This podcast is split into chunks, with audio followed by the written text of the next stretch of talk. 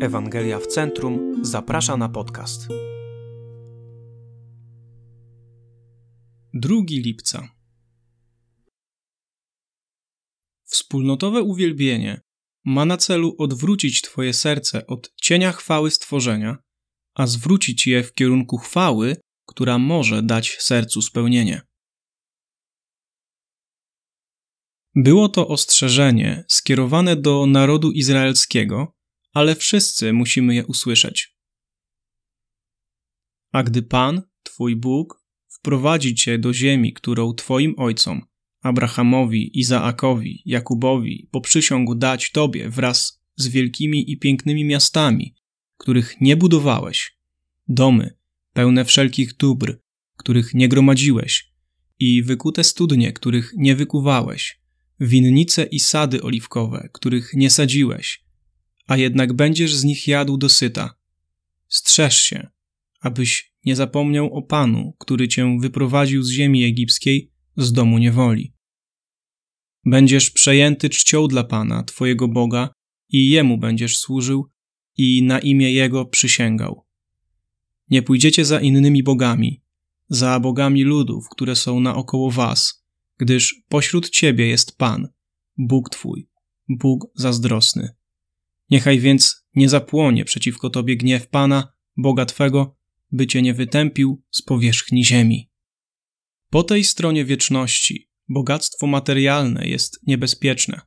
Nie chodzi o to, że dobra materialne są złe same w sobie. Bóg celowo skonstruował ten świat, żeby był pięknym miejscem. Cieszenie się fizycznym światem, który nas otacza, nie jest niczym złym, to Bóg dał nam zdolność chłonięcia piękna świata i korzystania z niego. On sam umieścił w naszych sercach pragnienie piękna. Problem z materialnymi rzeczami nie leży w nich samych, lecz w nas. Nasz problem z materialnym światem to kwestia serca. Opisana jest ona w powyższym fragmencie jako ostrzeżenie skierowane do Bożego ludu, wkraczającego do ziemi pełnej fizycznych wspaniałości. Trudność polega na tym, że materialne bogactwo ma moc sprawić, że zapomnimy o Bogu. Widok, dźwięk, dotyk, smak i niezwykłość owych stworzonych wspaniałości kusi nas, by uznać, że znajdujemy życie, gdy je posiadamy i mając je, mamy już wszystko. Jako, że owe wspaniałości osłabiają naszą świadomość i głód Boga, nastawiamy nasze serce na oddanie chwały stworzeniu zamiast Stwórcy wszystkiego. Na poziomie codzienności zapominamy o Bogu, który nas stworzył i we wszystko wyposaża, mimo że nadal twierdzimy, że w Niego wierzymy. Ostrzeżenie można sformułować w kilku słowach. Bądź ostrożny, gdy jesteś pełen, abyś nie zapomniał. Świat fizyczny jest pełen wspaniałości, ale pogoń za nimi nie może opanować naszego serca, ponieważ nie mają żadnej możliwości, by zaoferować nam życie, którego tak bardzo potrzebujemy. Życie można znaleźć tylko w tym, na co owe ziemskie wspaniałości wskazują.